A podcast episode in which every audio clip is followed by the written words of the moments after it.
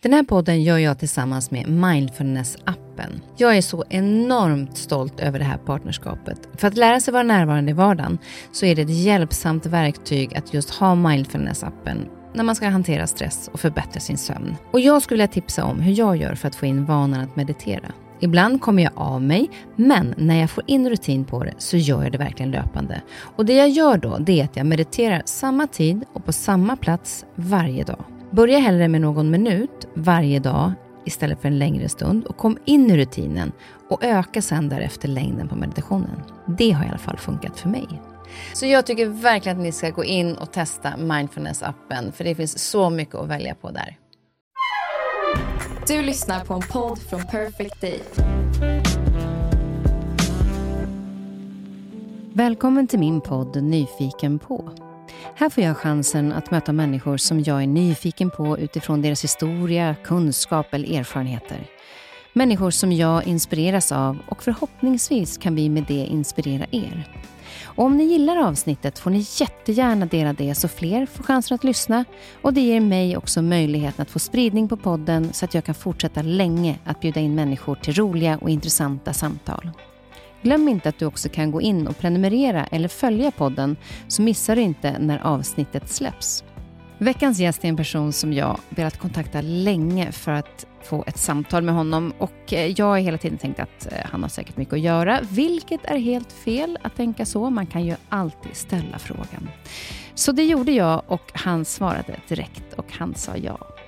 Christer Olsson är en extremt populär föreläsare, coach och ledarskapsutvecklare som tidigt i livet drabbades av sorg. Han förlorade sin mamma som fyraåring och pappa förlorade han när han var 15. Och Det kanske är en av de grunderna till att han lever livet så levande som han gör. Christer pratar om vikten om att vara sann, om att göra saker tillsammans, om att vara lycklig och lyckad, om trygghet och kommunikation, att göra saker och ting tillsammans och mycket, mycket annat. Han förlorade sin älskade fru Karina tidigt i höstas och det förändrade livet från ena dagen till den andra. Hur hanterar han det här med mening efter en meningslös händelse? Hur hittar man mening? Och hur kan vi hantera förändringar i livet oavsett om de är ofrivilliga eller frivilliga förändringar så kan det vara en extremt jobbig tid att ta sig igenom.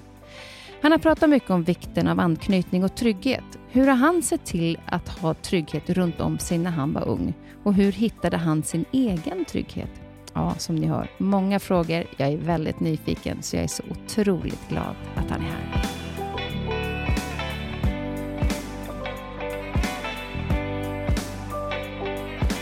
Att du äntligen är här. Välkommen Christer. Tack så hemskt mycket. Jag, blev ju, eh, jag är lite rörd att du är här faktiskt, för att du berör... När jag skrev till dig, i, det här är några månader sedan, så skrev jag ett sms till dig och hade liksom lite grann tagit med mod till det, för jag har beundrat dig väldigt länge och eh, älskar att lyssna till dig.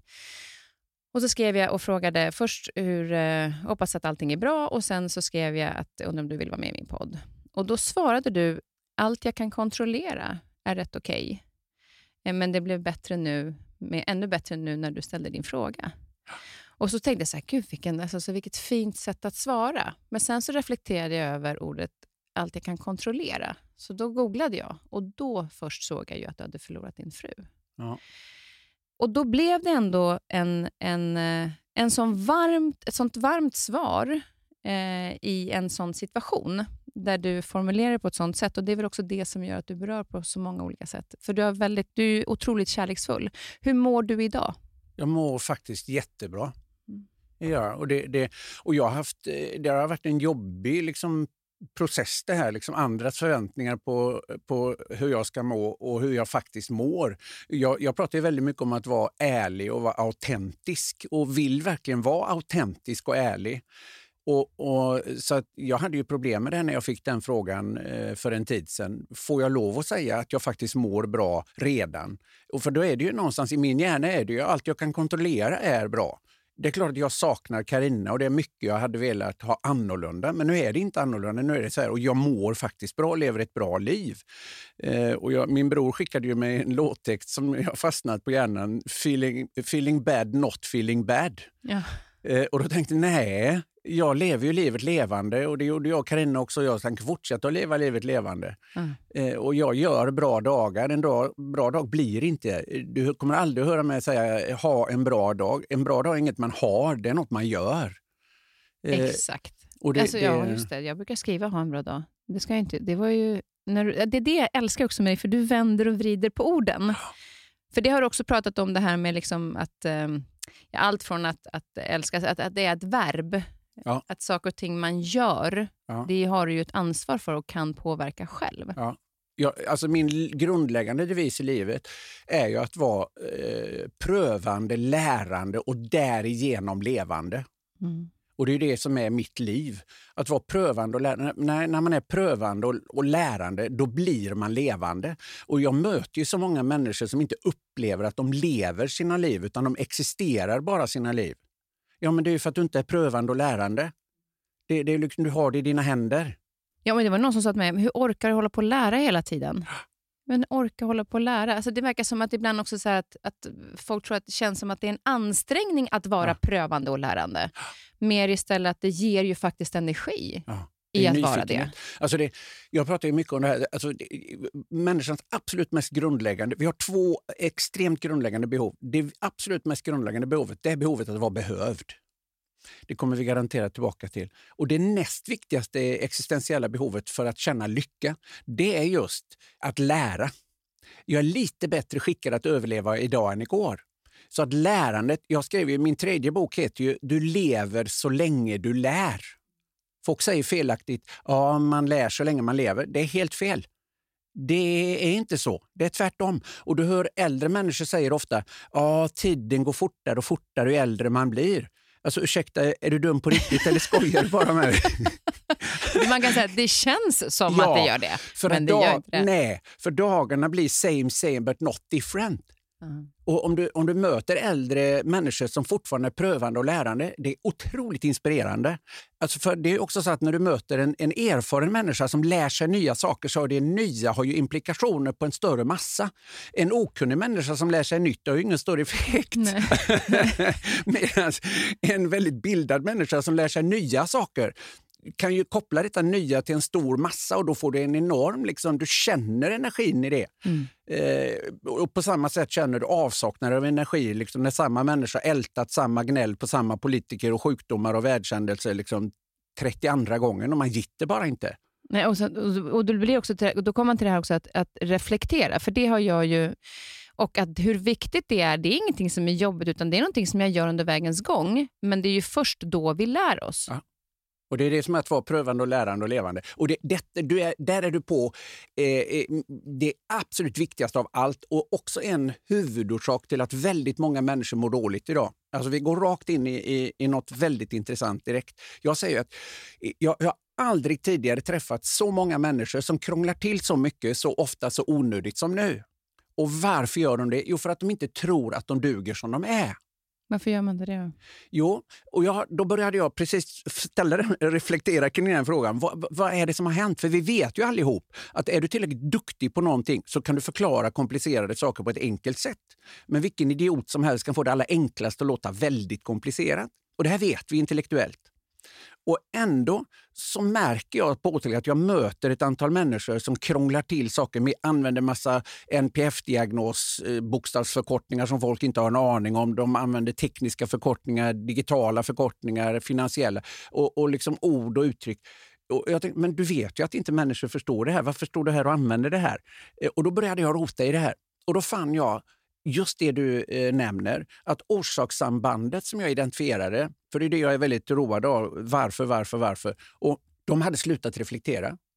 Alltså förr så hade vi tid för reflektion i, på bussen, i tunnelbanan, i bilen, på cykeln eller promenaden. Eller när vi var ute och motionerade. Jag skojar ofta om det. Min absoluta favoritrunda är Djurgården. Och för bara ett antal år sedan så kunde man möta människor och heja och liksom, åh vilken morgon och koltrasten eller en hackspett var det häromdagen liksom, och man hör det där ekandet när den sitter och hackar. Det är ingen idé längre. För hejar du på folk, de bara springer som zombies förbi dig för de har små vita proppar i öronen. Och sen kommer de hem, tittar de på Netflix. Eller, alltså, det är hela tiden bara inmatning. Det är aldrig tid att stanna upp. När gör du ingenting? Och i- alla filosofier i alla tider har haft en dag i veckan då vi gör ingenting med gott samvete. Tid för reflektion. Det är rätt fint, för att i Norge så är det ju på söndagar alltid stängt i Ja. alla butiker. Jajamensan. Och jag vet ibland när min pappa kommit hit så har han alltid bokat, när han kommit över helgen, så har han bokat flyget hem så tidigt på söndagen, alltså här mitt på dagen. Och då, jag känner att det finns ju massor vi kan göra på en söndag här i Stockholm. Men i Norge är ju allting stängt. Ja. Så han tänker att men då åker jag hem mitt på dagen efter vi har käkat frukost eller lunch. Är det tiden tror du som gör att vi inte reflekterar eller har vi bara har vi tappat det med tiden? Tid är en faktor. Sen träffar jag alldeles för många människor som har gjort hela livet till en prestationsarena.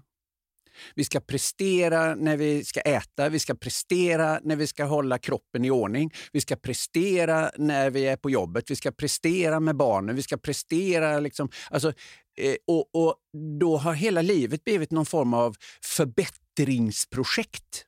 Så eh, de gör ju det liksom med någon form av vällovligt syfte. De, liksom, eh, de, de, de lyssnar på saker för att bli bättre. Inte för att just reflektera, inte för att koppla av, inte för att liksom må bättre. Och, jag kommer så väl ihåg Eh, och Det har påverkat mig jättemycket. Jag hade ju en, en, en professor i pedagogisk psykologi, Torbjörn Stockfeldt, som mentor i många år. och Han hjälpte mig fantastiskt mycket.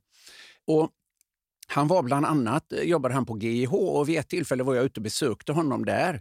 Eh, och så sa han, ta med dina träningsgrejer så kan vi liksom springa och prata. Och så, så, så gick vi ut och sprang. Och vi hade inte kommit långt. Så tar han mig i armen. Han, stopp lite Christer. Så lugnt och fint. Så, så tittar han på mig. Så han, Christer, springer du för att vara bra eller springer du för att må bra? Äh, jag springer ju för att må bra. Då springer du för fort. Ja! och det, det har påverkat mig. För, alltså, jag glömmer aldrig det tillfället. Sen köpte jag en pulsklocka, drog ner tempot och han, han, har jag, han sitter på min axel hela tiden. Gör du detta för att må bra eller gör du det för att vara bra? Nej, jag gör det för att må bra. Ja, men slappna av då. Men där, där kommer vi till det här med prestation. Att vi är ju ett, eh, jag pratar mycket om att jag tycker att skolan handlar ju väldigt mycket om att prestera. Det handlar inte jättemycket om vem man är som människa. Utan du får ju väldigt mycket bekräftelse i det du presterar. Det är klart att vi ska lära oss massa saker. Sen kan man ha olika synpunkter på vad man tycker om skolan och vad man lär sig och inte. Men jag tycker att man skulle ha lärt sig mer om sig själv Och lusten att lära. och lusten att lära. Eh, men, men att man då hamnar i en prestations... Eh, alltså att det är så viktigt att prestera. Har det, tror du, också med tryggheten, alltså man inte har tryggheten i sig själv, i vem man är? Ja. Ja, definitivt. Och då är vi ju, alltså då, då, är- då är vi ju på några av de här rikt, mina så säga, eh, favoriter. Så säga. Du lockar in mig på en farligt spår. Eh, Jag, jag är ju tänkt på att eh, du träffar en föreläsare. Alltså det, jag säger ju att vi har grundlurat våra barn. Alltså vi har bedrägeri. När, när socialentreprenörerna gör sin World Value Survey så hamnar Sverige längst upp i hörnet på individualiserade och sekulariserade samhällen. Vi är världens mest individualiserade och sekulariserade samhälle. Eh, och sekularisering har jag ingen synpunkt på. Människor får tro eller inte tro på vem eller vad de vill. Men individualiseringen har jag enormt mycket synpunkter på. Vi startar, eh, start, eh, skapar en form av statsindividualism. Ingen ska vara beroende av någon. Jättesunt. Patriarkatet, bort med det. Brukspatron och beroende av det. Idén var sund från början. Att vi skulle skapa en trygghet i samhället och, och, och samhället kan ta hand om så att människor får en grundtrygghet som inte hade det. Men Erik From sa en överdriven styrka blir en svaghet. Mm. Och där är vi nu. Vi har skapat en, en, en individualism där vi liksom linjärt bara fortsätter på den tråden. Och så säger vi till våra barn att äh, du ska växa upp och bli stark och självständig så du klarar dig själv. Det är så korkat. Det är ingen människa som klarar sig själv. Ingen människa är en ö. Och så tror de på oss såklart. Mm. Vi är ju föräldrar, det är vi som vet. Du ska växa upp och bli stark och självständig och klara sig själv. Och så går de ut i livet och känner inte alls att de klarar sig själva. Lika lite som vi gör. Människan är en tillsammansvarelse. I 10 000 generationer har vi levt i flockar krockar, 150 plus minus människor. Och, och olikheter i samverkan. Det var som du beskrev förut, alltså, det var jättebra ADHD-människor som, som jägare och stigfinnare eh, eh, för flocken. Men det var inte dumt att ha en liten fegis som satt hemma och salta och sylta ifall de inte kom hem. Nej, vi brukar säga det i vår familj, för att jag är då ADHD som eh, kunde varna om, om man hörde någonting i busken så att någon skulle äta upp oss. Och Då eh, så sa jag till min eh, mellansyster Malin, för hon är väldigt så här, lugn och yogisk och så, så sa jag att du hade ju varit uppäten för länge sedan om inte jag hade funnits. Och Då sa hon, ja, och lägerelden hade slocknat om inte jag hade vaktat den. Exakt så. så vi är ju olika ah, ja. i familjer. Men ja. det jag tänker på när man pratar om den här tillsammansheten, så också så här, tryggheten. Hade du tryggheten i dig själv eller sökte du tryggheten utifrån mycket? När du var yngre? Ja, ja, det här har jag funderat jättemycket på. Mm. För per teoretisk definition skulle jag ju vara jätteotrygg. Mamma dog 30 år gammal när jag var fyra. Pappa dog 46 år gammal när jag var 15. Men, och pappa var ju fiskare. Och jag tror faktiskt, när jag reflekterar över liksom min barndom och, och hur har jag blivit den jag är, så var det ju så att pappa hade ju inget val. Han var fiskare. Han var tvungen att lämna bort mig till främmande, liksom, i, i, i främmande familjer där han träffade kvinnor, några stycken innan han gifte om sig så småningom. Jag bodde hos farmor och farfar, i vilket hus jag bor i just nu. Det, är liksom mitt, eh, det, det var en sån livsdröm att få liksom köpa det huset så småningom. Eh, och det bor jag i nu, det är mitt hem. Men jag bodde också hos främmande familjer. Och grannarna hemma de hade alltid eh, barkis och prickekorv, alltså vitt bröd, formbröd i princip och prickekorv ifall Christer kom. Och jag tror att jag möttes där, mamma dog när jag var fyra, så fyra, fem, sex år där någonstans. Då möttes jag av jättemånga kärleksfulla människor som ville ta hand om mig för det här att min mamma hade rött och pappa var fiskare och sådär. Det tror jag präglade mig jättemycket. Jag har en enorm tillit till människor. Alltså jag, jag, eh, jag stage-divar med vem som helst. För jag, alltså min grund är ju därför jag, jag, när jag föreläser, jag har inga manus, jag har inga powerpoint. För jag litar, människor vill mig väl. Det är mitt grundprogram.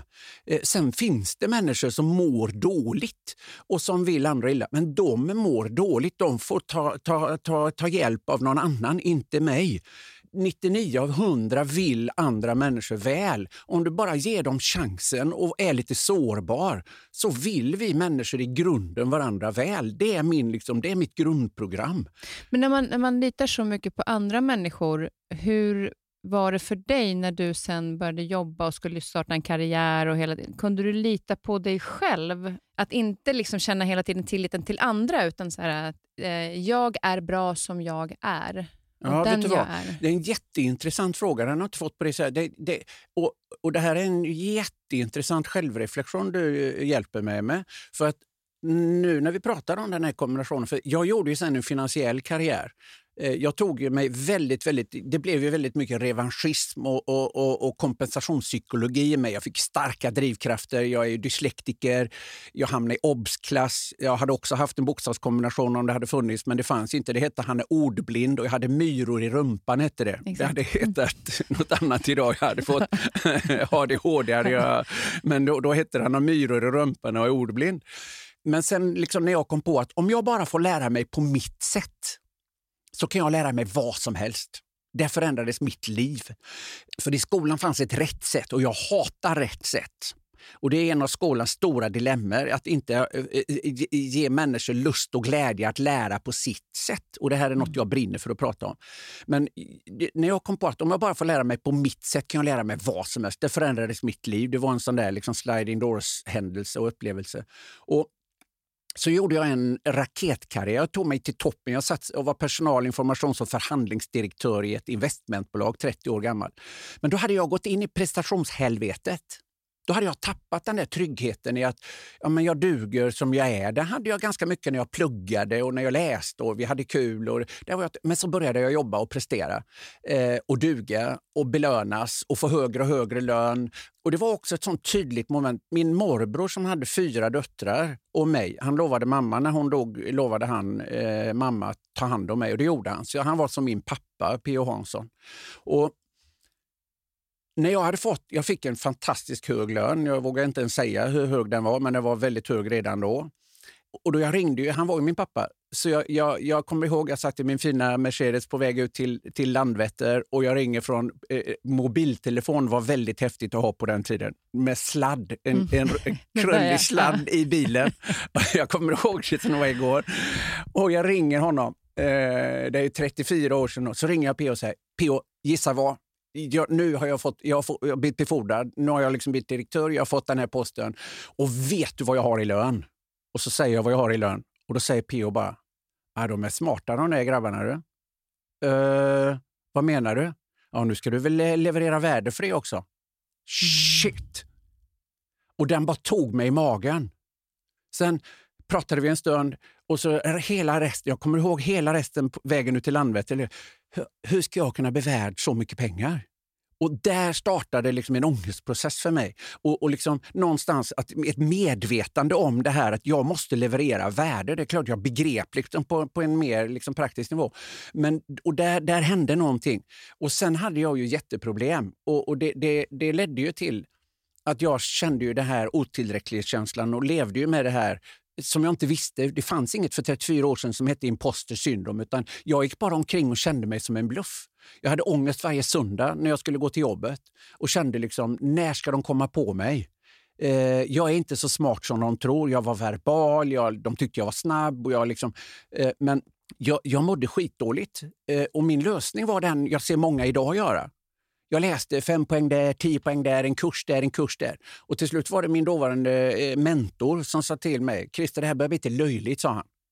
Alltså det du behöver det är ingen mer utbildning, du har mer än du behöver. Det du behöver är att träffa en psykolog.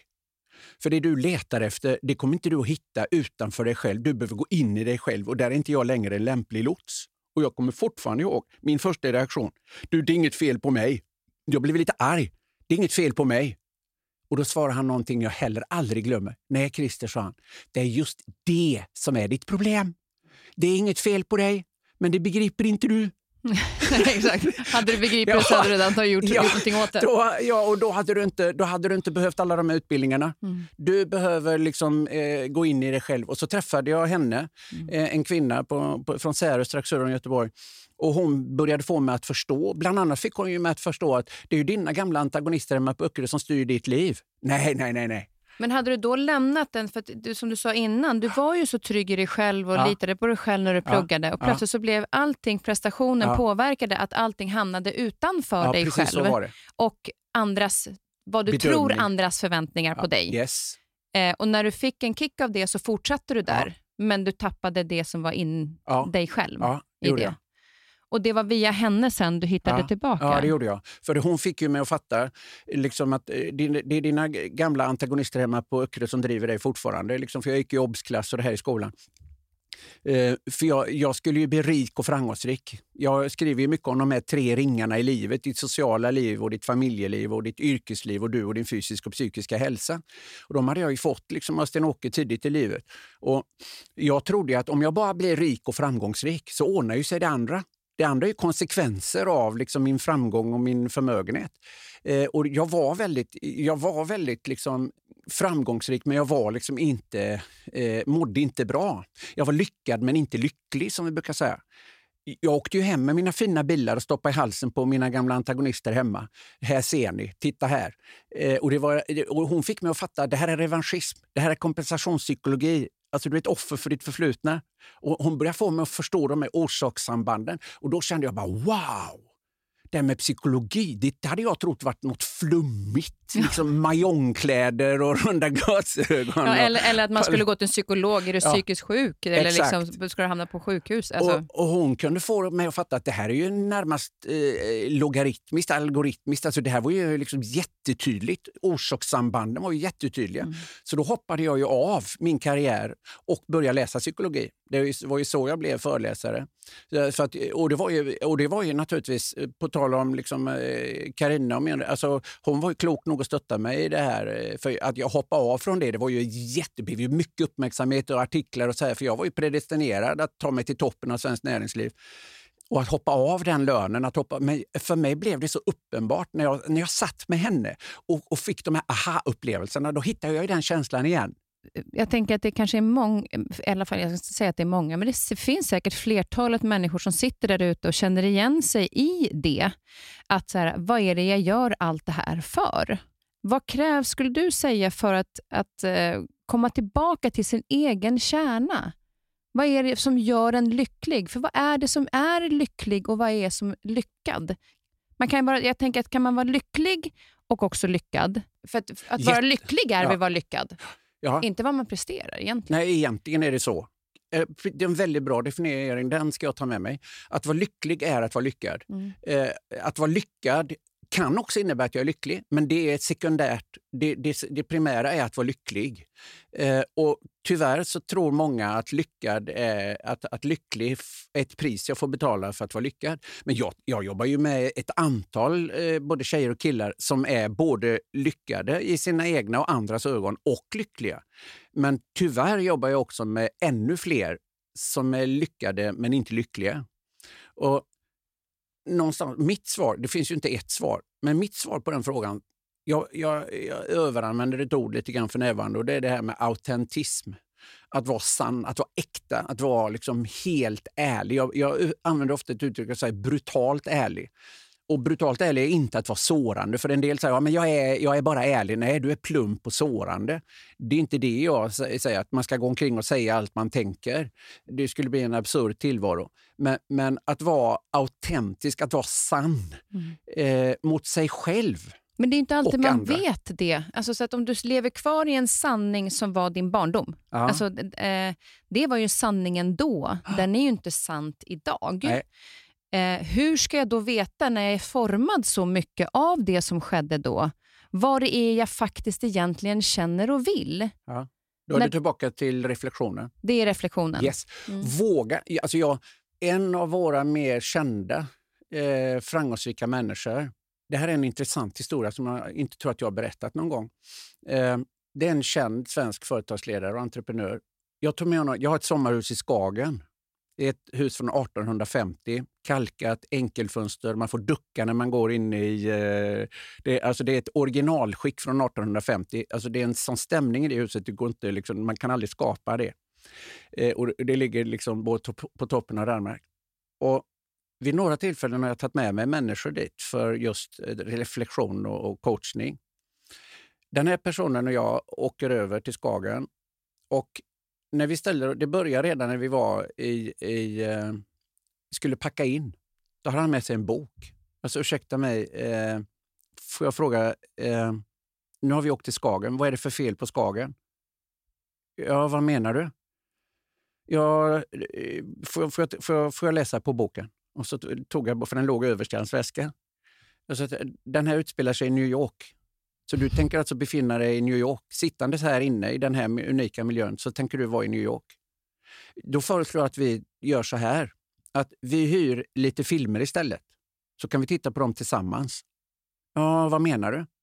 Alltså, vi har väl inte åkt hit för att titta på film? Ja, men det har ju du uppenbart gjort.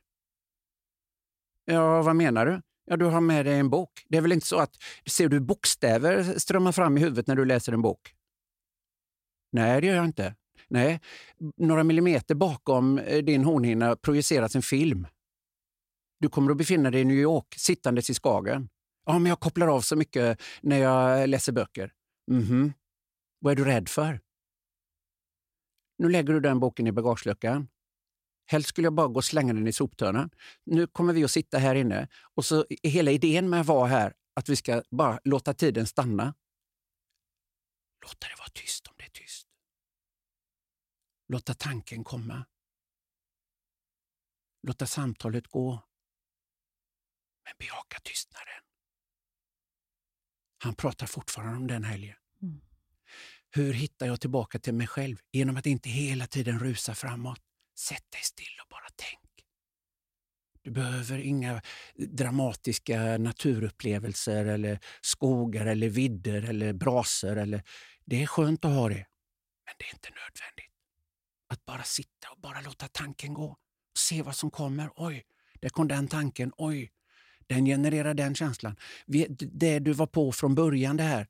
Tid för reflektion. Vi saknar det. Alltså, jag återkommer till det. Alla tider har alla kulturer en dag i veckan då vi gjorde ingenting med gott samvete. Till och med slavarna var lediga en dag i veckan. Och det var inte av humanitära skäl, utan det var för att vi visste att annars tar vi slut. Och, och att, om, om du säger att hitta tillbaka till sin autentism, att hitta tillbaka till sig själv. Tid för reflektion. Ensamhet. Men, det, jag upplever också att det finns många som har rädslor för att våga känna. Ja. Nej, men då, de, de, kommer, de riskerar ju då... Min första bok heter ju Vart är du på väg och vill du dit? Alltså, de riskerar ju att hamna där. Mm. Alla dessa dagar inte visste jag att det var livet. Är det verkligen tävlingen om att bli det rikaste liket som är liksom, eh, eller bli beundrad av människor? Eller finns det alternativa sätt att leva livet? Vi pratar också om liksom, vad, vad gör man, liksom, när, när, man när, när, livet förändras. Vad gör man liksom, när stora händelser händer? Ja, det blir ju tid för reflektion.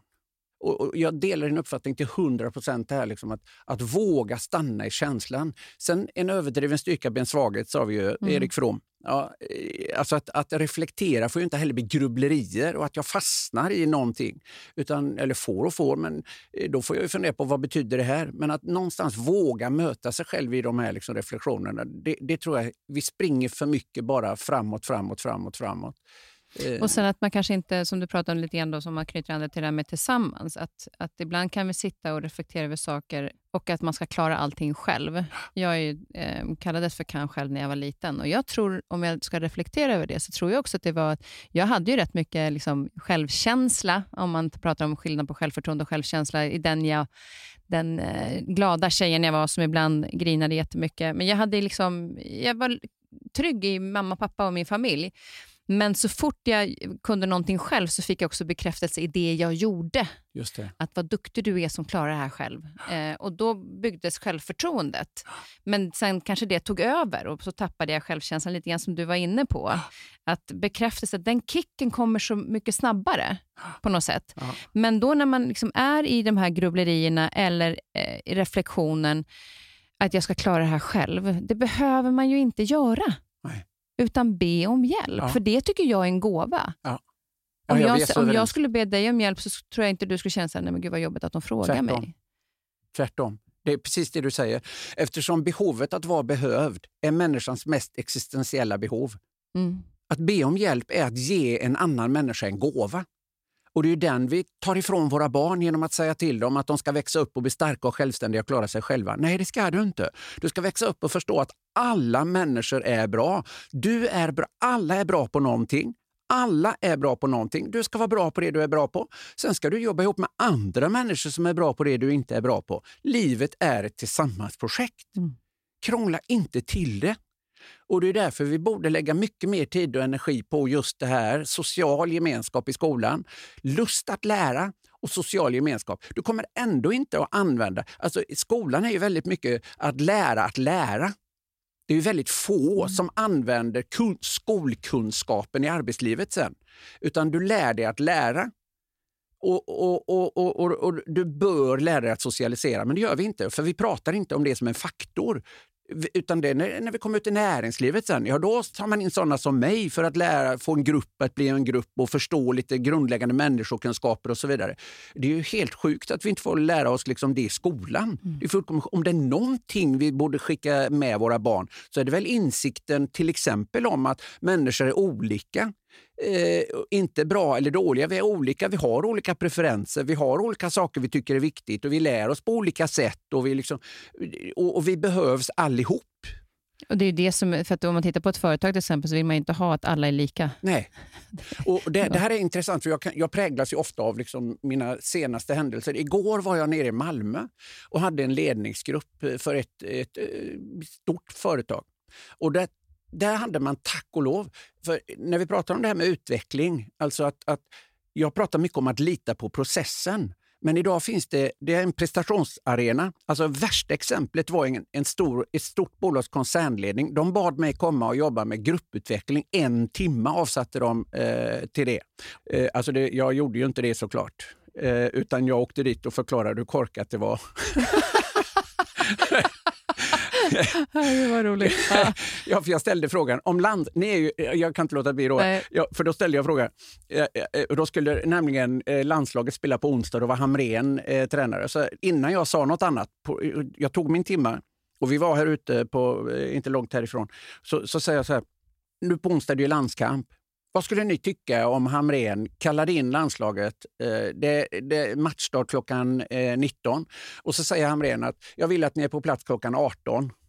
Och då kommer de inflygande, Zlatan och alla kommer inflygande från Spanien, Italien, Holland, Tyskland, England och Sverige. Och så samlas de klockan 18 och så delar han ut tröjor och säger vem som ska spela var på plan och så vidare. Det vet de i princip redan. Och sen när det är matchstart, vad skulle ni tycka om det? Och jag tvingade, de fattar ju att det var någon pedagogisk fråga. Så det liksom, men så till slut var det någon som sa nej, det vore naturligtvis korkat. Jättebra. Är vi överens om att ni är den här koncernens landslag? Ni kommer inflygande här nu från eh, hela Europa och ni är liksom ansvariga för olika, ni har olika positioner i det här företaget på den här spelplanen. När kom ni till det här mötet? Och hur mycket tränar ni för att vara ett bra lag? Mm. Ni tar in mig en timme och tror att jag ska göra er till lag. Jag gör inte det. Men vill ni göra det på riktigt så är jag jättegärna coach i det. Men inte genom att eh, göra det på en timme. Glöm det. Ni skulle aldrig respektera det. Jag skulle kunna häva ur mig ett antal floskler och skicka ut lite fina modeller och lite forskning och ni skulle bli jätteimponerade. Men det skulle inte innebära ett skit för er. Så bra. Och, och, utan ska vi, ska vi träna så ska vi träna. Och förstår ni det sambandet så, så kör vi och det gjorde vi sen. Snacka om att göra lärande till någonting att man vill lära. Ja, ja för annars kan du Precis låta bli. Det. Igår var jag till, på motsatsen. Det var mitt första möte med det här företaget. Det var en dansk vd, så jag var lite... Alltså min för, förutfattade mening tänkte liksom, okej, okay, danskar är ofta ganska tuffa, pragmatiska och så vidare. Men det visade sig vara en super, alltså en erfaren eh, vd. Så jag sa att jag, jag jobbar väldigt processorienterat. Låt oss dialoga det här. Jag är en resursperson. Jag kommer inte att äga den här processen. Ni äger det här. Peka inte på mig om ni inte är nöjda när vi går hem. Det är ert ansvar. Jag är en resursperson. Jag ska facilitera det här och jag ska hjälpa er att utveckla er det är inte jag som ska utveckla er, det är ni som ska utveckla er och vi ska tillsammans göra någonting. Och Det här är en process. Och då, I en process måste man ha tillit till processen. Eh, för väldigt ofta blir det också en prestation. Och idag ska vi åstadkomma det här och vi ska ha kommit så här långt. Nej, det är inte alls säkert. Vi kanske inte kommer någonstans de tre första gångerna. Sen fjärde gången bara smäller det och alla bara yes! För väldigt mycket i, livet, eh, ärligt eh, Kristin, det är liksom att jag brukar säga så här, du vet inte vad du letar efter alltid förrän du hittar det. Nej, precis. Och då är det precis den grejen som jag tänkte på nu när du säger att kanske fjärde gången yes. Ja. Så när du sätter och reflekterar över ja. saker, vad du själv vill. Ja. Det händer kanske inte första gången, Nej. det händer inte andra gången. Nej. Men plötsligt efter sex, sju gånger så bara yes. yes där. Det är det jag letar efter. Och det här försöker jag förklara för många unga människor när jag coachar dem. Ja, men jag vet ju inte vad jag vill. Nej, inte jag heller. Och Du kommer inte att veta det förrän du hittar det. Det är därför du behöver vara prövande, lärande och levande. Mm. Vi vet inte vad vi letar efter förrän vi hittar det. Ja, och det var väl också det som du brukar prata om, att, att man drömmer om någonting. Men om, om drömmen är någonting som kan bli... Verkligt, då är det ingen dröm. Nej. Då är det ett mål. Ja, jag började fundera på drömmar direkt då. Men just, just det här att också få den, den reflektionen och den tiden att faktiskt ge sig själv den gåvan att göra det för sig själv. Du tar inte någon annans tid, du, tar liksom, du gör det ju bara för ditt eget levandes, att skapa den här meningen i ditt liv. Ja. Även om det liksom kan vara i en djungel, tycker jag. Framförallt, jag menar, nu är jag ju 52 och det har liksom, man har varit med om mycket och ibland kan det vara svårt att sortera. Ja. Alltså jag jobbar med ganska mycket olika saker eh, och ibland blir jag så här, men gud åt vilket håll är det jag ska gå? För ja. att jag tycker så mycket är så roligt. Och då är jag så här, ja vad, vad, vad vill jag? Nej, men jag får väl vara här ett tag till och så får jag reflektera under vägens gång. Jag kanske inte vet just idag, men om ett halvår. Ja, precis så är det. Det är så? Ja, att, ja. att liksom våga vara i det och inte känna paniken över att ja, jag måste ha ett svar just nu. Så är det ju för mig också nu. Karina mm. dog i en, i en olycka 7 september. Det har gått fem månader drygt. Alltså, jag lever livet med nyfikenhet och förundran. Det blev inte som jag hade hoppats, det blev inte som jag hade tänkt, det blev inte som jag hade planerat. Det blir något helt annat. Vad? Nej, det vet jag inte. För jag är mitt i en sån process nu själv. Vad är det som kommer att hända? Vad är det jag letar efter? Nej, jag letar inte, men jag är säker på att någonting kommer att hända på vägen. Om jag är öppen i sinnet och om jag har ögon och, och öron och alla sinnen öppna så kommer det att hända någonting och jag kommer att säga liksom wow. Men du sitter inte och väntar på det, utan du gör Nej. ju väldigt mycket själv. För ja. det är också det så att ibland man kan säga så att om någon säger eh, allt har sin tid. Det gör väl för fan, ja det har det, men det beror på vad du gör med den tiden. Helt enig. Och Det är väl det lite grann som just det här att vara i en sån sårbar situation som man ändå är när man har förlorat den man älskar. Men att för ditt, ditt Ja, ja. skapa den meningen. Och Det tyckte jag också du sa så bra i det här i tidigare poddar nu när du pratade om det finns ingen mening med saker och ting som sker. Nej, dödsfall eller Dödsfall barn och eller så. barn men och man sjuka kan skapa mening. Exakt. Du kan skapa mening ur en meningslös händelse. Det kan du. Och hu- Hur hittade du kraften till det? Ja, Jag tror att det är, liksom, det är min livsinställning. Jag, jag tror jag bär med mig de erfarenheterna då, i och med att jag har liksom, eh, mamma dog, pappa dog. Jag tror att vi, det är också faktiskt, vi lär oss att bära bördor. Och vi lär oss att leva med sådana händelser efterhand som de uppstår. så att säga. Eh, Men det kan ju också ge en rädsla till att förlora människor för Ja. att du har gjort det så tidigt. Ja. Då kan ju också skapa en rädsla. Ja, det kan det göra. Samtidigt så är jag ju van vid att prata om döden. Mm. Och den, döden alltså, det, jag tror att det har berikat mitt liv. De flesta människor börjar inte leva på riktigt förrän de begriper att de ska dö. Eh, till skillnad från din mamma som var extremt levande. Hon var en inspirerande, levande människa. Men de är inte jättemånga som verkligen lever livet levande som jag pratar om. Utan väldigt många lever livet existerande. Du har en chans en gång på jorden och det, det är ju det som jag då också berättade.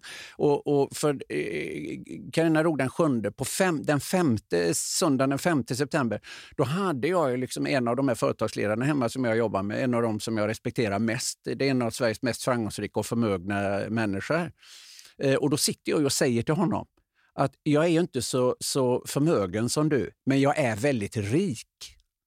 För i och med att mamma dog och pappa dog så har, har jag och Carina levt livet levande. Så vi har liksom bränt pengarna på vägen.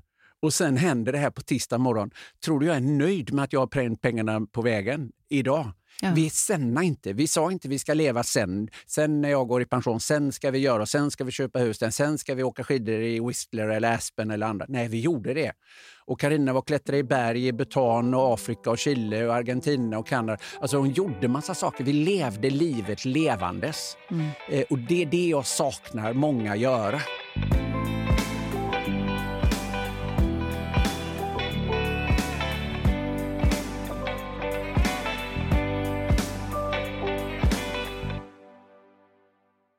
Det var bara för ett par veckor sedan som du skrev på LinkedIn, det här med att du började räkna månader. Ja. Och Då hade jag precis typ tio minuter innan sett, eh, det var någon skådespelare som hade eh, gått bort, eh, om det ni hör vad som låter så är min hund som sitter här i bakgrunden, som hade precis gått bort och han var typ 73. Och Sen så öppnade jag LinkedIn och då pratade du om det här med att du bryter ner från 20 år. Och Jag tänkte direkt, okej, jag är 52, den här skådespelaren är 20 år. Vad vill jag göra med mina år?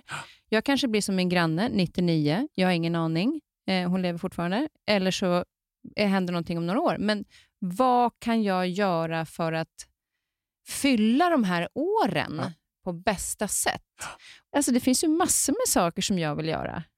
Och varför gör jag inte det? Det är en väldigt bra fråga. Vad håller oss tillbaka? Och det är det jag säger. Ja, för jag säger ju att 20 år är 240 månader. Jag, tänker, jag har börjat leva livet i månader istället. Liksom eh, dagar, veckor, Varför då? månader. Känns det känns som att du får mer då? Eller har du Ja. mer... Nej, för jag Mm. blir mer handlingsorienterad. Jag behöver ta ansvar för... Ett år är så, lång, så, det är så få år. 20 är få. Och det är ett för lång eh, tidsperspektiv. Att, att vara prövande, lärande och levande. Alltså en månad, säger ja, men en månad är så kort. Ja, jättebra. Åk till Karibien en månad för att se hur kort det är. Eh, det är ganska, alltså, fyra veckor i Karibien är ganska länge. Fyra veckor på en segelbåt är ganska länge. Fyra veckor i Alperna är ganska länge. Eh, en månad är ganska länge om du gör något med den. Och så behöver man inte planera lika långt. Alltså, jag kan tycka det är skönt att så här, veta ungefär vad som händer lite längre fram, men mer vara fokuserad Ja. på de närmaste månaderna. Yes. Och, och njuta. Jag pratar ju väldigt mycket om att leva i dagtäta rum. Jag kan lära av igår och jag kan planera imorgon. Eh, men jag, jag, kan inte låta bli, jag måste få komma tillbaka Ja, bara till en krok som vi, nej, men en krok som du var på så väldigt bra förut. Det här, eh, som, som, jag är konsult, jag ju grafer till allt och ritar och berättar. Jag säger ju på det här som du sa att man kan inte sitta och vänta. Ja, eh, han, han dyker upp eller hon dyker upp eller det dyker upp. Nej, det gör det inte. Det är därför jag säger en bra dag blir inte, den gör man. Eh, och jag säger att tur är förutsägbar. Slump är inte förutsägbar. Det är därför är det så komiskt med folk som har samma lottorad och tror att det finns något statistiskt samband för att förr eller senare måste jag ju vinna. Nej, då kan jag tipsa dig om att liksom, läs lite statistik. Det är, en, det är helt liksom random varje vecka. Det finns ingen sån samband, men då, det är ju någon magisk folk tror liksom att, att det finns. Det är slump. Men tur är förutsägbar och det finns ju mängder av idrottsmän, liksom Ingmar och andra. Liksom, och så att, ja, ju mer jag tränar, ju mer tur får jag. Alltså tur är förutsägbar. För tur är skärningspunkten mellan tillfälle och förberedelse. Ja, okej, ja. Och du har förberett dig i 52 år, jag har förberett mig i 64 år. Nu handlar det om att exponera mig för tillfällen så kommer jag att ha tur. Men herregud Kristin, vilken tur! Och så var du där och så träffade du honom och så blev det så och så gjorde ni. Och liksom, herregud vilken tur du har. Ja, men jag har också träffat många människor. Liksom, jag har ju magisk tur i mitt liv. Jag får sitta här med dig nu till exempel. Tror, vem hade gissat det för en fiskapåk från Öckerö? Alltså det, det, jag, jag, jag exponerar mig för många tillfällen och då säger folk ja, men ska du verkligen vara med där och ska du verkligen göra det? Och, och jag, jag har också lärt mig en sak att jag gör ju aldrig skillnad på människor. Jag gör verkligen inte det. Det spelar ingen roll om det är en som nu häromdagen, en 13-årig tjej som knappt kunde svenska och hon, hon skrev ett eh, jättehärligt brev till mig. Och då skrev jag liksom, eh, jag tror vi behöver träffas. Jag såg att skriva fram och tillbaka kommer inte att ge något. Jag sa, jag träffar gärna dig. Och jag kan få detta att låta jättehumanistiskt, men jag kan också förklara att det är strikt kapitalistiskt. Jag har rader av exempel på hur mycket pengar jag har tjänat och vilka, hur mycket jobb jag har fått genom sådana här möten. Min bror, min syster, min mamma och jag har flera sådana historier. För jag har lärt mig att exponerar jag mig för många människor får jag mycket tur. Det, det är så enkelt. Ja, men det är, och det och det är egentligen jag tror också det är en sån liten ödmjukhet i det. Att man säger att ja, men jag hade lite tur. Jag vet, bara som ett eh, exempel yrkesmässigt så var det ju när pandemin kom så försvann ju allting. Och sen har jag sagt, men så hade jag ju turen på att jag liksom kom på det här med podden och sen så gjorde jag en massa andra saker. Och då har en kompis sagt, det var inte en jävla tur, du har jobbat så in i helvete. Men du kommer sitta här. Eh, du har ju jobbat för det eh, och du har mött saker och ting på vägen. Och det i kombination med en del tur. Men det blir ändå så här som att idrottsmännen säger att jag har lite tur eller att ja, men jag hade turen att träffa honom. Ja, men du har ju gjort en del på vägen. Det är inte, varför Nej. ska vi, det är som att vi inte vill framhäva oss själva på något sätt. Ja. Utan vi ska säga, nej, jag hade lite tur. Fan, vad stolt du har jobbat för. Eller du Ja. har träffat massor med människor som har lett dig dit där du är. Exakt så är det. Och just att vi inte vågar stå upp för oss själva och säga att nej, fan, jag jobbar för det. Och det, det, det kommer ju till den frågan vi berörde förut. Men hur, ska vi hjälpa, hur kan vi hjälpa människor då som går omkring och tycker liksom att ja, men jag, bara, jag bara jobbar här. Jag, jag, jag, är liksom, eh, jag, jag, jag, jag lever inte livet levande, jag existerar det. Jag jobbar och går hem och jag är liksom i. Träffa andra människor, träffa nya människor. Gör något helt annorlunda, gör något du inte brukar göra. Det är ju det. Jag pratar mycket om det här och gjorde det med den här koncernledningen jag hade igår i Malmö. Liksom. Den här kunskapstrappan, omedveten okunskap, medveten okunskap, omedveten, eh, eller o, eh, medveten okunskap, medveten kunskap, omedveten kunskap. Med, o, omedveten okunskap, vad är det jag inte vet att jag inte vet? Jag fattar inte att folk inte är nyfikna. Varför de, varför de inte vill träffa liksom, udda människor. Mm, den här 13-åriga tjejen, jag jag ser jättemycket fram emot att träffa henne. Eh, och få hennes frågor. Och liksom, wow, ja, det är så klart att hon tänker så. Jag är så nyfiken och hon kommer ju att liksom öppna nya tankespår i min hjärna. Jag begriper inte varför människor inte är nyfikna. kan det också ha att göra med att vi människor har också ett stort behov av att ge, så ibland tänker vi inte på också vad vi får Nej. av det. Eh, mamma hade ett extremt stort behov av att ge, men hon var också väldigt bra på, kanske inte så här att säga tack och ta emot, men hon kände av den energin hon fick tillbaka. Men vet du vad, vet du, det, det kan jag inte låta bli att kommentera en grej. För glöm heller inte att ge en annan människa uppmärksamhet. Ge henne ditt öra, ge henne din närvaro. Det är det jag kommer att göra med henne. Mm. Eh, att, att, eh, för det är ju det som många unga idag saknar, en vuxen som lyssnar på dem en stund. Man behöver inte liksom, att ge är inte nödvändigt att, att leverera någonting. Att ge kan vara att bara vara. Och det, det kommer, Då kommer man ju ofta tillbaka till mamma för att hon var ju väldigt unik på det sättet. Men jag träffar ju många som säger, jag träffade din mamma, vi möttes i en dörr, men hon såg mig. Exakt. Det, det pratar jag ofta om. Tittar du Dalai Lama och liksom, alltså, människor som, ja, som, som Barbro också var, alltså, människor som eh, verkligen är... Folk, för då, då är du tillbaka till autentism. Alltså människor som ser människor på riktigt. En människa känner när du, när du ser henne på riktigt och när du är på sant. Och då behövs det inte mycket tid. Utan det går fort att känna att men det här är en riktig människa. Vad skönt! Och du känner det direkt. Och tänk vad skönt också att få vara en sån person. Ja, ja. För det är inte det, det tar inte så mycket tid av Nej. dig. Det räcker Nej. med att du möter någon med en blick och ler. Ja. Eh, vilket jag tyckte nästan var en väldigt fin reflektion kring pandemin. När man då, Djurgårdskanalen, som jag också spenderat mycket tid, när vi inte fick gå nära varandra, där alla gick så långt ifrån. Och så var det en morgon en kvinna som vänder sig om och så ler hon mot mig och jag kände som att jag fick största kramen. Ja. Jag glömmer aldrig det leendet. Nej. För att vi hade ju ingen närkontakt, vi hade inte, men då var det så här, oj vad en, ett leende kan betyda en, ja. Liksom, ja. en hel dag. Och det var, hon kommer säkert inte ens ihåg det. Jag, jag, jag träffar alldeles för många människor som underskattar betydelsen av sig själva. De negligerar sin betydelse i förhållande till andra. Ja, men det, det, det andra bryr sig inte om om jag ler mot dem. Jo, du är mycket viktigare för andra människor än vad du tror. Alltså Människor tänker så lite om sig själva. Om du visste Kristin hur många människor jag pratar med som tänker så lite om sig själva. De förstår inte hur mycket de betyder för andra. När vad, vad ligger till grund för det? Ja, det är en väldigt bra fråga. Jag tror att det är det att vi har, vi, vi, vi har pratat om att varje människa är sin kokong och ska vara sin kokong och man ska klara sig själv. Och, I kombination kanske med prestationen? Ja, en bra fråga. Varför, varför, varför förminskar vi? Varför förstår vi inte liksom hur viktiga vi är för andra? Jag tror vi pratar för lite om livet som tillsammansprojekt och just att se varandra. Den där blicken i vardagen, det där leendet, den där dörren du håller upp, eller det du, du beskrev där precis. Mm. Så det är så otroligt enkelt. Men, men, och det är samma, alltså jag jobbar ju mycket med chefer och ledare. De underskattar ständigt betydelsen av sig själva.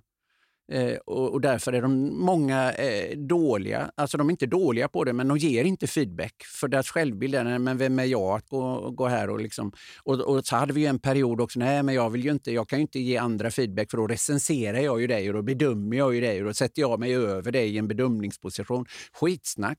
Ge människor liksom återkoppling som till största delen oftast består av bekräftelse. Eh, för det vet vi, liksom, att bekräfta det beteende du vill ha så får du mer av det. Och också bekräfta beteendet och inte bara prestationen. Ja. För det, där är det ju väldigt lätt att vi till exempel med våra barn många gånger är det lättare att bekräfta Man tror att man bekräftar beteendet, men så här, vad duktig du var på matten, eller vad bra du har pluggat, eller vad bra du var på fotbollen. Allt det där handlar ju om prestation, ja. men att just beteendet, eh, att säga till dem på kvällen, vad, vad, såg du vad glad din kompis blev när du hjälpte? Ja. Och då, då, är det ju, att, att plugga skulle jag till exempel säga, men underbart, jag ser hur mycket du har pluggat på detta. Nu spelar det ingen roll vad du får för betyg. Mm. Eller vad det blir på provet. Men din ansträngning, att, att liksom belöna ansträngningen. Att välja, att, välja, att vilja och mm. att belöna Det har jag gjort jättemycket med mina söner. Eh, vi har pratat mycket liksom om det. Jag, jag, jag kommer aldrig liksom att klandra di, dina skolresultat för de är ju liksom dessutom eh, delvis ett arv från mig så det kan jag ju svårt för att klandra. Du har ju same, så, same. ja, men, men eh, eh, att välja att vilja att göra ditt bästa. När du har gjort ditt bästa så får det bli som det blir. Mm. Liv, det, å, livet ordnar sig. Vi tror, och det är det också på tal om det här, varför är det så många som mår så dåligt? Jo, för att man tror allting måste liksom vara så bra så fort. Det ordnar sig. Det våga vara sårbar, våga be om hjälp, lita på liksom tid och tillvaro. Det, det, det löser sig. Mm. Eller rättare sagt, det löser sig inte, men du kommer att lösa detta. Ja, och där handlar det om kommunikationen. Ja. Att, att våga be om hjälp. Ja. Att vi kommunicerar med varandra i förväntan och antaganden och allt sånt där. Att Ja, men då blir- får vi ju inte heller tro att vi ska behöva vara så starka och självständiga själva. Utan då måste vi, för att nej, det behöver vi inte. Vi, be, vi behöver istället våga vara sårbara. För när Mm. du är sårbar, då, det är ju samma som ledare. En ledare som ska vara så stark och också självständig får ju naturligtvis inte människor som eh, involverar sig och tar ansvar. Det är ju ingen som vill hjälpa någon som är världsmästare. Men om jag däremot vågar vara öppen och sårbar, ja då, då, då är det som triggar... Alltså vi människor är i, i vår grundbiologi empatiska. Vi vill varandra väl. Vi vet att flocken behöver varandra. Det, det, det, är, liksom, det, det är människor som har trampat fel i livet och som kanske har, som, som har någon, någon, något problem som inte vill andra människor väl. Men de är undantag och de mår dåligt och de får hantera det. Grundprogrammet är att vi vill varandra väl. Vi vill hjälpa varandra. Och som jag sa, ge människor gåvan att få hjälpa dig. Vi är så värdelösa på det. Det är så korkat.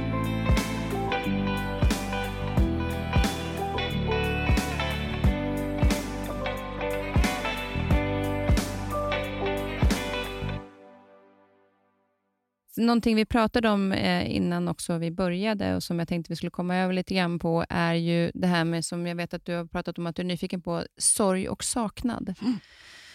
De två bredvid varandra på något sätt. Mm. Eller vad, vilket samband har de? Ja.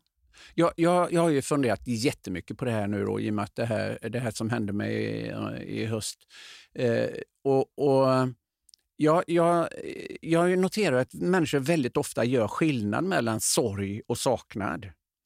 Och För min del så är jag, är jag i en reflektion. Jag är inte färdig och liksom, jag har inte sanningen. Det är liksom min sanning jag söker och, och upplevelse. Men jag, jag ser en sån jättetydlig eh, skillnad i det här. Saknad kommer man ju ha resten av livet. Jag kommer ju sakna Carina liksom för resten av livet såklart. Men hon kommer aldrig tillbaka. Men hon finns med mig i, i mina minnen. Hon finns med mig i, i barn och barnbarn. Liksom, hon kommer alltid att finnas och hon finns kvar i liksom, våra gemensamt skapade hem. och liksom, eh, finns kvar. Eh, och jag är ju en av dem som håller henne levande. Barnen håller henne, vi lever ju vidare i, i våra barn och i det vi har skapat medan vi levde, vilket är en förtröstan inför den egna döden. Eh, och, eh, så, så att, eh, saknaden det är en sak. Men jag märker jättetydligt när jag pratar med människor att, att eh, de som inte kommer vidare i sin sorg som jag har pratat med, jag har liksom ett antal personer som jag funderar på när jag har haft samtal med liksom sörjande människor som liksom inte kommer ur sin sorg. Då är det väldigt ofta kopplat till ånger. Och därför är ju också, jag säger det, det här är ju ett sätt för mig att skapa mening i denna meningslösa händelse. Att prata om detta och få människor att tänka till på vad skulle du ångra om det hände idag. Alltså den 6 september var jag i Oslo. Det fanns inte i min vildaste fantasi att det var sista dagen efter 40 års äktenskap med Karina, men det var det. Eh, och jag fick faktiskt frågan för en tid sedan i ett annat sammanhang eh, och vi pratade om det förut. Eh, vad skulle du göra om du fick och säga om du fick en vecka till? Och Det kändes så härligt, för jag hade aldrig tänkt på frågan. Men det kändes så skönt att bara naturligt kunna svara ingenting. Jag skulle bara kramas. Jag skulle inte säga, jag skulle inte prata så mycket, för jag har inget osagt. Jag har inget ogjort. Jag sa hur mycket Karina betydde för mig och jag sa alltid det hon som gjorde mig. Det är liksom, det, det, det, ja, hon var en förebild för mig och det är liksom mycket, hon var frisör eh, och, och var så extremt bokad. Eh, eh, hon var bokad sex veckor i förväg och jag tyckte det var så fascinerande att vara så fullbokad. För de släppte en dag efter sex veckor och tio minuter var den fullbokad. För hon ville inte vara bokad längre än sex veckor. Det kunde hon varit. Hon jobbade ihop med Bindefält då, när han var frisör i Göteborg på den tiden. Eh, och hon, var, hon tjänade jättebra med pengar och var så eftertraktad som frisör. Och jag var så avundsjuk på det. Att vara så uppskattad för det du kan och din liksom färg och formförmåga. Eh, så det, hon var jättemycket inspirationen för mig när jag sen började läsa och jag började liksom det här att, att jag är där jag är idag. Liksom att få vara, bara liksom få jobba med att bara vara den jag är. Åka omkring liksom och få lära mig saker av kloka människor och, och liksom resonera och dialoga kring sådana här viktiga frågor. Det var väldigt mycket hennes förtjänst och det, det, det var jag väldigt tydlig med. Och, och liksom så att det, finns, det, det finns inget osagt. Och därför eh, funderar jag mycket på det här liksom att eh, jag har en väldigt ren liksom, kanal när jag tittar bakåt. Och det tror jag hjälper mig väldigt mycket i att gå vidare. Och, och, Det är också det jag försöker uppmana människor. Hur är det i din kanal? Eh, om du tittar bakåt i förhållande till dina barn, föräldrar, vänner, bekanta. Liksom, se till att göra det rent medan du har möjligheten så slipper du liksom drabbas av en, det jag kallar för den negativa sorgen kopplat till ånger. Då. Mm. För det är någonstans när du pratar om det, för sorgen, när vi pratade om det lite grann innan, så säger jag ju att man drabbas av sorg. Eh, och Det gör man ju då direkt när någonting sker, oavsett mm. om det kanske är en relation eller en, någon som går bort, eh, någon som dör. Men att saknaden, den kommer ju vara, som jag då säger, grundad i kärlek, annars hade jag ju aldrig saknat. Så den är ju väldigt fin eh, för mig att känna. Ja. Men sorgen, jag ser ju att sorgen är någonting du kan bearbeta och bli av med. Saknaden kommer alltid att finnas kvar. Helt enig. Så det är mer ett tillstånd och då är frågan så här, vad är kopplat till den sorgen? Och då tänkte jag på det när du sa just det här med att man ångrar saker, varför inte sagt det? Vilket gör att det tar längre tid att komma över sorgen ju längre tid du väntar med att bearbeta de sakerna som skapar den. Ja. Men saknaden, omfamna den istället. Ja, det gör jag. För den är ju bara ja. kärlek. Ja. Jag tycker saknaden är ljus ja, ja. efter mamma. Det är den för mig med. Och jag har ju med mig Carina i alla... Hemma går jag och småpratar med. Var har du det nu då? Var har du lagt det? Liksom. Men var la du det? exakt. liksom, jag hittar ju inte grejer i mitt eget hem. Och så jag pratar ju med henne varenda dag hemma. Eh. men, men, och där är ju då den intressanta delen just att, att få vara i saknaden. Eh, för att det som man kanske inte... Som som alla fall känner, det är den fysiska, precis som du säger, det här att kunna krama och känna igen. Ja. Vad är det man ska göra om man känner sorg, att sorgen bearbetandet av sorgen tar så lång tid? Är det att man kanske inte förstår den, vad sorgen kommer utav, eller att man inte tar tag i den? Jag tror, det. Jag, vet vad, jag tror jättemycket på det eh, du beskrev innan och den bekräftar någonstans liksom min... För det här är ju helt ovetenskapligt. Det, jag har inte pratat med någon varken präst eller psykolog eller något professionell utan det här är mina personliga reflektioner som jag gör liksom helt oprofessionellt men egenupplevt. Men jag tror jättemycket det du sa förut att eh, du, du, du, hade, du, du hade lärt dig en metodik där man fick skriva ett brev mm. eh, och förlåta andra människor och be om förlåtelse. Den, den tror jag på. Och I andra kulturer har man ju den döde hemma och pratar med den döde innan man begraver dem. Det är ju i vår kultur det blir så kliniskt. Ofta dör man på ett sjukhus, musslas ner i en katakomb, läggs i en låda och så ser man en låda. Eh, det var för övrigt något vi också gjorde. Träffade Karina i liksom död och tog farväl en gång till, så att säga, jag och barnen. Vad betyder det? jättemycket att få säga liksom det där eh, ändå. Säga farväl eh, och, och, prata en stund och liksom tacka det var egentligen det jag använde det samtalet till. Mm. Eh, att tacka för allt hon hade gett mig, eh, faktiskt. Väldigt starkt. Mm. Men, men, jag tror att vi behöver det. Eh, eh och kanske någon behöver säga förlåt, jag, jag, nu behövde inte jag det. Mm. Eh, men jag kunde istället säga tack. Och jag, jag tror liksom att ett sätt att bearbeta eh, sorgen är någonstans... För jag tror precis det du sa, som du hade fått lära dig i något sammanhang, att, att skriva ett brev där liksom, jag förlåter dig och jag ber om förlåtelse för det här. Eh, samtidigt som jag då försöker använda det, se till att du inte har något som du behöver förlåta eller be om förlåtelse för. Eh, det är ju liksom för mig ett förhållningssätt till livet då. Och det, det, det är mitt sätt. Som och det är Anders Magnusson, eh, det avsnittet, för han var med ungefär för ett år sedan, ja. så att man kan gå tillbaka och lyssna. Han har ju den här sorgbearbetning. Och det viktiga då var också när man skrev det här brevet, att man behöver inte, om det är en separation, du behöver inte läsa det till den personen som det är tillägnat. Utan hellre läsa det, du ska läsa det för någon annan som inte känner personen i fråga, så att du inte ändrar bilden av vad de har för bild av den här personen. Och den ska personen ska bara vara tyst. Och det enda han får säga i slutet är vill du ha en kram? Men det viktigaste är att du har berättat det för, du har fått det sagt. Ja, eh, jag tror på det. Och det trodde Freud på också. Ja. Eh, jag tror på det, att verbalisera sina tankar, att sätta ord på sina tankar, att höra sig själv säga det här. För då blir det också liksom eh, att förlåta. Eh, jag tror att den, den processen är jätteviktig. Och förr gjorde vi ju det här. Eh, vi hade kyrkan det var en jättebra terapeutisk form. Sen finns det många liksom religiösa avarter och människan utnyttjar kyrkan till egna liksom syften. Men i alla filosofier, indianer, eh, i Asien, hinduismen, alltså i alla olika filosofier finns de här liksom förlåtelserna och liksom sättet att, att gå vidare på. Ritualerna som gör att vi... Liksom, för döden är ju det enda vi vet. Allt annat är antaganden. Det är så absurt i vårt samhälle att vi inte pratar om döden. Och att människor är så dåliga på det. Jag märker det nu igen. När jag, var, när jag var 15 och pappa dog, då kunde jag komma gående på en väg så såg jag folk vika av in på en tvärväg och jag visste ju, Öckerö kan jag, vad han har ingenting på den vägen och jag, vad ska han där in och göra? Nej, han ville bara inte träffa mig. För de, de kunde inte möta mig, liksom, eh, 15 år gammal och pappa hade dött. Eh, och jag märker det nu också, hur många liksom har jättesvårt hur de ska hantera det. det. Och det vi vet, alla ska dö, alla råkar ut för döden någonstans, men vi ska inte prata om det som det inte finns. Och Jag säger ju samtidigt att de flesta människor liksom börjar inte leva fullt ut förrän de begriper att de ska dö. Och Det är därför jag pratar om och det. är det så jag har tänkt. Jag har ju haft 40-årsångest, ja, 50 så, Yes, mamma dog, pappa dog. Och alltså, det är klart att jag absolut inte hade velat att det hade hänt. Men det har ju gjort att jag har levt livet levande. För jag har inte tagit för givet att jag ska bli gammal.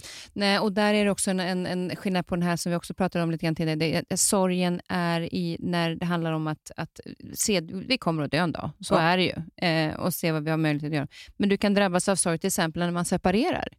Att du blir lämnad. Ja. Ja. Eh, eller att du lämnar. Det var en, en, eh, en, tidigare gäst som skrev till mig, för hon hade lyssnat på Anders Hansens avsnitt, där vi pratade om att hon hade separerat nu nyligen och valde det själv, ville det, kändes helt rätt och mådde så dåligt. Ja. hon kände som sorg. Sen insåg hon att det kan ha med flocken att göra. Vad tog den vägen, savannentiden? Mm. Men också att vi känner en sorg över att den personen, om jag har blivit lämnad, finns ju kvar. Ja. Medan om man förlorar någon som har dött, finns inte kvar. Det blir mer liksom konkret. Ja. Där finns det olika typer av sorger och saknad som man inte kan påverka på olika sätt, ja. eller som hantera på olika sätt. Och det, det har jag ju funderat jättemycket på. För det, det sattes jag på spåret eh, av framförallt en kvinna jag mötte några månader efter det här hade hänt med Karina. För när, när, när, när Carina dog, då fick jag ett hav av blommor ett hav av kärlek och omtanke och mat och erbjudanden och liksom, eh, oerhört mycket liksom, människor och kärlek. Eh, och jag noterar jättemycket, eh, för jag mötte en kvinna som hade blivit, i det fallet var det liksom en klassisk, liksom hade blivit lämnad.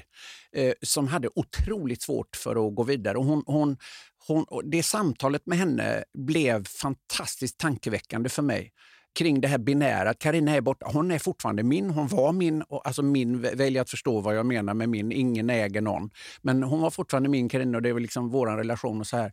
Eh, Medan den här kvinnan som var lämnad, hon var, for, älskade fortfarande en man som hade valt en annan kvinna. Så hon får se den hon älskar i, i famnen på en annan och ska leva vidare i den sorgen. Den är mycket brutalare faktiskt det här låter konstigt, jag hör det själv när jag säger det. Eh, men för mig, och jag, alltså då började jag fundera på det här. Och jag använde just den här mannen som var hemma på söndagen, då, en av Sveriges förmögnaste människor som dessutom är både charmig och trevlig och härlig eh, och skild. Eh, så hade, då tänkte jag att, ah, för då började, började jag fundera på, tänk om Karina hade valt honom, för vi, vi äter söndagsmiddag en söndag i månaden. Det hade inte varit något konstigt. Tänk om Karina hade valt honom eh, om de hade utvecklat en relation och hon hade valt honom eh, och jag hade blivit av med Karina till en annan man. Ah, det är jag inte alls säker på hur jag hade kunnat... Folk säger idag att ah, det är fascinerande hur du klarar det. Ja, ah, men det beror inte på mig. Det beror på ett antal omständigheter. Alltså, jag vet inte alls hur jag hade klarat det och hur jag hade kunnat hantera det. Eh, jag vet ju inte det, men, men, det hade varit en helt annan för mig känsla. Och jag tycker vi pratar för lite om det. För då säger man liksom, ah, shit happens, du hittade en annan. Nej men så fan heller, jag vill inte Nej. ha någon annan utan det där är den Exakt. personen man vill ha. Ja. Det är ju liksom en, en, det är ju verkligen en också, alltså det, det, alla har saker Vi tar så lättvindat på. på det. Ja, och du, var som du, du, nämnde faktiskt innan vi, vi satte igång, så sa du det att vem får blommor då? Ja. Du får blommor när du har förlorat din fru, ja. men någon som har blivit lämnad ja. får höra, jo men alltså, det var väl lika bra att han gick vidare, du kommer träffa någon annan. Exakt. Om inte han var kär i dig så kan han väl liksom, då är det väl bra att då är du värd någon annan. Ja, fast jag vill inte ha någon annan. Nej, Just Exakt. För det måste vi också och få det är en sorg. Ja. Men vi pratar inte om sorg kopplat till det. Nej. Men det, det är någonting jag skriver om nu och liksom håller på att rota i. För det här är också komplicerat förstår jag när jag pratar med människor. Ja, men det är tvås ansvar och det är liksom... Och det, då, då, då komplicerar man det. Ja, jag fattar det. Men det här vi, pra, vi har pratat för lite om den sorgprocessen i lämna, lämnad. För precis som du inledde med så är det också en sorg att lämna över att det inte blev som jag hade hoppats, inte blev som jag hade tänkt mig, inte blev som jag liksom ville att det skulle bli. Men jag kände ändå att jag blev tvungen att ta ett ansvar och ta ett beslut. För det är en sorg. Det, alltså det spelar ingen roll om jag lämnar eller blir lämnad. Det är en sorg. Jag har investerat tid, och energi, och kärlek och närhet i en människa som inte blev det jag hade hoppats på. Ja, och så går man in i en förändringsprocess. Ja. Och förändringar, eh, framförallt kanske med motvilja, men förändringar sker för att det ska bli till det bättre. Ja.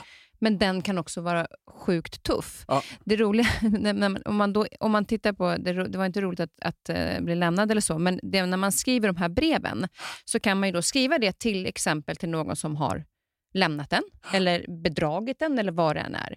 Eh, för att du förlåter ju för att göra dig själv fri. Den personen vet inte ens att du säger det, men Nej. du gör det för dig själv. Och oavsett så var det så att vi skulle skriva då sån här övning. Och då tänkte jag, så här, vem, jag hade liksom ingen i närtid som jag kände så här, Nej, men jag skriver eh, till den här personen. Och Då var det en, en person som jag hade umgåtts med några år tidigare, eh, som jag var väldigt förtjust i, men valde inte mig. Och Då skrev jag en, ett brev för att nu vill jag bli fri. Och så Min, kollega, eller min kurskamrat lyssnade, sa efteråt eh, vill ha en kram och så kramar man om. Man får inte klappa då när man kramar, för det är som att tycka synd. Man ska bara hålla i. Och så släppte vi taget jag bara... Ah. Och då är det, inte, det, det betyder inte att man känner på en gång att man är fri det, utan som Anders beskriver så bra, så är det som att du har gått med en sten i skon väldigt länge och plötsligt kommer du på en dag att fan, stenen inte är kvar. För, och Det kan ta tre veckor. Det roliga var bara i den här situationen var att vi går ut därifrån ganska sena, springer ut på gatan, hinner gå 20 meter ner och så ska jag korsa vägen. Och Då är det någon som tutar så jag tror att jag blir på väg att bli påkörd. Då är det den snubben som jag har sagt tack och hej till som sitter i bilen och bara “Tja! Jag bara, men vad fan, jag har ju precis gjort mig fri. så dyker du upp. Liksom. Jung kallar det synkronicitetsprincipen. Alltså, så sjukt. Jag säger till min kompis, vet du vem det där var? Hon som jag hade läst upp det för. Jag bara, det var han. Hon bara, nej det här var så sjukt. Jag bara, nej men jag blev lite utmanad i att se hur jag ska hantera det här. Aha. Men det var väldigt, väldigt skönt. Ja. Och Jag kunde skratta när han åkte förbi för att det ja. blev en sån grej istället för att man så här, men just det att någon kan dyka upp var som helst. Ja. Du kan börja känna det är saknad. Det finns så mycket att hantera. Ja. Men de där grejerna är väldigt bra och det finns en sorgbearbetning, Anders Magnusson, eh, om man är intresserad av att hitta mera hjälp med sorgbearbetning så är det en fantastisk eh, faktiskt utbildning att gå och eh, jag fick väldigt mycket hjälp av det just i min process. Men framförallt titta på sorg och saknad eh, som en process som får pågå. Liksom. Mm. Men sorgen kan man ju bearbeta och som du sa, lev livet levande så blir inte sorgen tung. Nej, och det är samma som vi säger med så mycket annat. Eh, alltså acceptans. Acceptera att du känner som du känner och att du tänker som du tänker. Du, du, har ju, du tänker ju det. Det är bara acceptera det. det är, jobba inte emot det. Då växer. Alltså det, du, jag, det är ju en av mina enkla verktyg. Det du fokuserar på växer. Mm. Och Det korkade är att vi ofta fokuserar på det vi inte vill. Ja. alltså, hur dum får man bli? ja. Nej, men det är också sant. Och det, men jag tänkte också på det här med sorg. För när någon säger, jag kommer, och det är du som startar den här tanken hos mig nu. När, efter mamma till exempel så sa de så att jag beklagar sorgen eh, väldigt länge. Och Jag kände ett tag att men jag känner ju ingen sorg. Jag känner ju saknad. Ja. Men det bekräftar ju det med det du säger, Aha. att, att eh, du behöver inte vara i en sorg för att någon har till exempel då gått bort. utan den sorgen drabbas du av, Ja. men beroende på hur mycket du tar hand om den sorgen Ja. eller det som orsakar den, Ja. så kan den ju också lämnas. Och jag tror ju att prata om det, vi är så dåliga på det, att prata om det, prata om känslor. Jag, nu är jag ju föreläsare och jag hade eh, rekordmycket att göra under hösten och folk sa till mig, ja men Christer, du, och den, är, den är också lite kul. Då sa de till mig, ja men Christer du jobbar så mycket, du måste unna dig att sörja. Och, och då sa jag, tack, jag förstår att du vill det med, mig väl. Men kan du då snälla definiera sorg? Ingen kunde det. Alltså, men du, du säger ju att jag ska göra något, vad är det jag ska göra? Det är någonting de bara säger. Alltså jag sorgebearbetade ju i varje föreläsning. Jag pratade alltid om Carina när hon levde och det är klart jag fortsätter att prata om henne nu när hon är död. Eh, och det gör ju att, alltså att jag har ju i princip terapeutiskt pratat om henne varje dag hela hösten. Hon säger för, ja, men du jobbar så mycket, ja, men du kanske ska tänka till på lite grann vad jag jobbar med. Så jag har ju stått på scen, jag brukar ju skoja till slut. För först så kändes det konstigt och de tio första föreläsningarna grät jag på scen och var, liksom, eh, eh, var noga mot mina kunder och sa nu är det så här och så här och så här. Eh, jag gör det gärna, men ni ska veta att jag kommer sannolikt att börja gråta. Tycker ni det är jättejobbigt så, så vill jag att ni ska eh, själva göra ett val innan. Eh, Men ingen sa nej, tvärtom. Jag fick en makalös återkoppling. Aldrig hela mitt liv fått en återkoppling som jag fick under hösten. Och det innebar ju, alltså, till, sen fram i december någonstans så insåg jag ju liksom, ja men det här är ju terapi. Andra får betala människor för att höra på dem när de eh, sorgebearbetar. Ni betalar mig för att lyssna på mig när jag Ja. sorgebearbetar. Men hur länge var skulle du säga att du var i sorg då? Eller är du det fortfarande? Eller Nej. står du kvar i saknad? Saknar. Mm. Om, om man säger att, att eh, först var det en akutfas, Eh, chock och trauma. Jag går på Oslos eh, centralstation och får ett telefonsamtal. Alltså alla de här minnena. Hur jag sätter mig sen ute på Forneby och behöver liksom, eh, ringa människor. Eh, bror och liksom de som måste få reda på det fort. och så här. Eh, den, den, den, den dagen gick ju ner i slow motion, den glömmer jag ju aldrig. Eh, Men jag skulle säga begravningen var en väldigt liksom, tydlig punkt. 2 oktober, Carina dog 7 september. 2 oktober begravde vi Carina eh, och hade ritualen i kyrkan och alla vänner och fick prata med alla vänner och hade en fantastisk minnesstund eh, nere vid havet hemma. Eh, och säg ytterligare en månad därefter någonstans under oktober, då var det mycket liksom, eh, jag var i det på ett sätt. Sen var det just jobbet väldigt mycket under november och december som tog mig liksom ur det. Så, så att, ja, början på december där någonstans. Och det var ju där jag också, när jag fick frågan, hur är det? Och jag, jag, eftersom jag är, försöker leva livet autentiskt så, så var ju min spontana var ju, jo tack det är jättebra. Men samtidigt så fick jag skuld. Men får man säga att det är bra redan?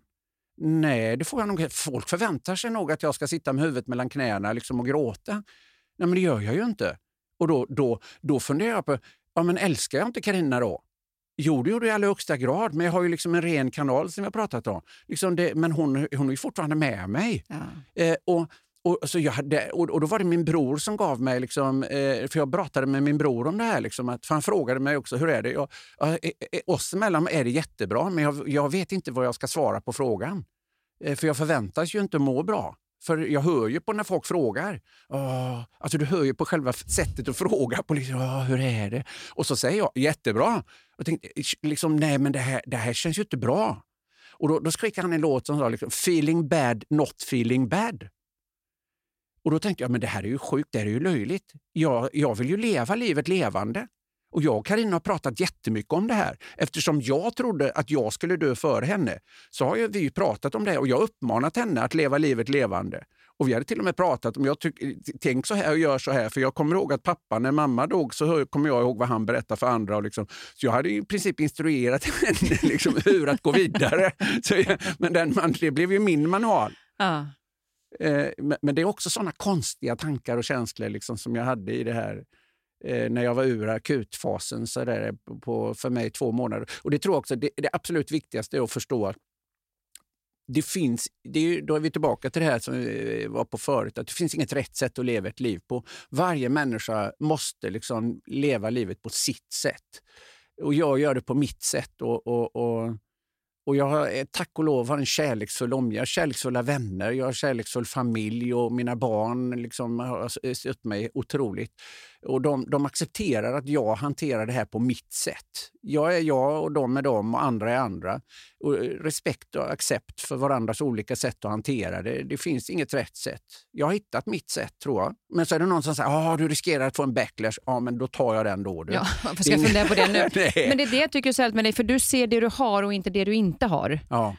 Hur många vänner har man inte? Eller hur, mycket, hur, roligt på jobbet har jag inte när jag går dit och känner mig lustfylld? Eller ja. Eh, mina barn, eller vad det än är. Ja. Se allt som du har istället för att lägga energi på det som man inte har. Jag säger att lycka är en färdighet. Mm. Mm. Lycka är en färdighet. Många pratar om lycka som något liksom som händer. Eh, nej, det är det inte. Eh, lycka är en färdighet som utgår från precis det du sa. Lycka är en färdighet som utgår från förmågan att se det du har och inte det du inte har. Det går alltid att hitta någon som har lite mer, som åker lite längre, har lite större lägenhet, fräckare bil, fräckare sommarhus. Det går alltid att hitta någon. Konsten med livet, alltså om du, om du har en lägsta godtagbar standard som svensk så tillhör du jordens 5% förmögnaste människor. Ändå möter jag många människor som går omkring och gnäller. Eh, och det är, har jag ett väldigt begränsat tålamod eh, på, särskilt nu då efter den här händelsen. Alltså att se det du har, min älskade vän. Titta på vad du har. Du har hälsa nog att kunna vara här. Eh, och, så, och så bara titta på det de har. Nej, då har de hängt upp sig på något de inte har. Men du har ju inte det. Och vad sa vi förut? Jo, vi sa att det du fokuserar på växer. Jag kan ju fokusera på att jag inte har Karina och älta det och göra det till, till att det fyller hela rummet. Men då kommer jag inte att vara närvarande för mina barn och barnbarn och andra människor. Utan, så det du säger där är så mm. extremt viktigt. Att, för, för mig är det att, att på allvar fatta att lycka är en färdighet. Mm. Det är något man gör. Det är därför jag säger, liksom, du säger inte som vi var på förut, ha en bra dag. Nej, du kommer aldrig höra mig säga det. Jag kommer säga, gör det en bra dag. För summan av bra dagar blir ett lyckligt liv. Och sen lyckas vi inte alltid. Nej, såklart vi inte gör. Men oftare med den inställningen än om vi bara liksom låter det bli. Jaha, idag var det en bra dag, vad, vad, vad kul. Idag var det en skitdag. Ja, varför det? Ja, för du lät den bli det. Du lät dig förmörkas av en massa dumma liksom, händelser som du ändå inte kan påverka. Skyll dig själv. jag, jag hade verkligen sådana igår. Jag tyckte det var, det var så här regn, jag hade sovit dåligt. Allting var så här, jag bara, jag ska inte ut och köra bil idag för att jag kommer hända någonting. Och nog fan lyckades jag, det var ingen stor repa och det var i plasten, men nog fan lyckades jag komma åt en pelare. Jag bara, jag visste det. Ja, det, och det är, är väldigt sällan i och för sig jag hamnar så jag börjar skratta åt mig själv. Att ja. Jag har ju skapat det här själv. Ja, såklart. Jag är ju helt ofokuserad och bara tänker negativa tankar. Liksom. Så ja, det är inte så konstigt nej. att det hände. Och du hade ju bestämt dig redan på morgonen. Ja, absolut att jag hade bestämt mig för det. Men sen när jag gick hem, när jag gick hem tänkte jag så här, ja, det är rätt skönt att ha såna dagar också ibland. Ja. För det är, det är, inte skönt att ha dem, men man inser hur jävla skönt det är att komma ur dem. Ja. Alltså jag ser, när man plötsligt ja. ser allting som man har. Det är som nu. Vi sitter här 15 februari. Solen börjar lysa, värmen börjar komma, man börjar känna våren. Alltså det, är, det här, nu, nu får vi ju liksom belöningen för att ha gått i, den här, i det svarta, gråa. Eh, och den känslan att få vakna upp, att få födas igen. Den känslan är magisk och det är, liksom, det är därför livet är salt och surt och liksom, eh, glädje och sorg. Vore det inte det, då, då vore det inte livet. Nej. Nej, verkligen. Och jag känner ju att vi skulle kunna prata hur länge som helst, men vi har redan pratat. jag vill ju aldrig sluta prata med dig. Men du kanske kan komma tillbaka lite Väldigt längre fram gärna. igen. Ja. Eh, för nu ska du iväg, du ska åka till Miami. Stämmer.